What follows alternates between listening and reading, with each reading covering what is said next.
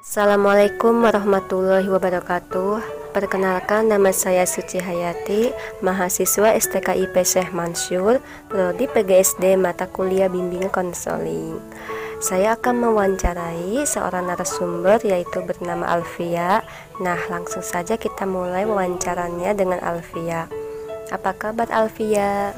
Alhamdulillah baik. Apakah saya boleh mewawancarai saudara Alfia yang sedang merantau? Ya, boleh. Kenapa kamu memilih untuk merantau? Alasan saya untuk mengejar cita-cita yaitu cita-cita saya ingin membahagiakan orang tua. Apakah ibumu mengizinkan kamu untuk bekerja jauh dari mereka? Ibuku mengizinkan saya untuk bekerja apa alasanmu hingga kamu memilih untuk merantau? Alasan saya dapat menghilangkan kesusahan, mendapatkan kehidupan, bertambah ilmu, mendapatkan pelajaran tata kerama, bertambah teman dan saudara. Di mana kamu bekerja? Pabrik sepatu daerah Tangerang. Sudah berapakah lama kamu bekerja di sana? Saya bekerja sudah setengah tahun. Perasaan saya pertama kali sedih ya, sedih karena jauh dari keluarga.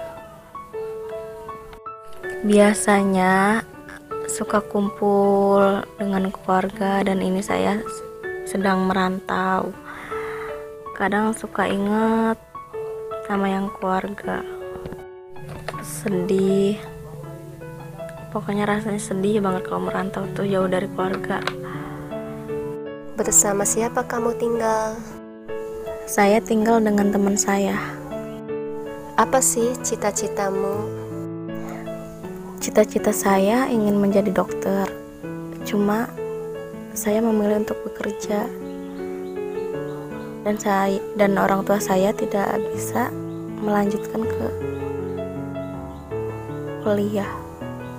Apa harapanmu jika suatu saat kamu bisa menjadi orang sukses? Harapan saya yang pertama orang tua dulu membelikan orang tua rumah, menyenangkan dia apa yang mau dan menyenangkan saudara-saudara kami. Yang kedua, ingin memberikan santunan kepada anak yatim piatu.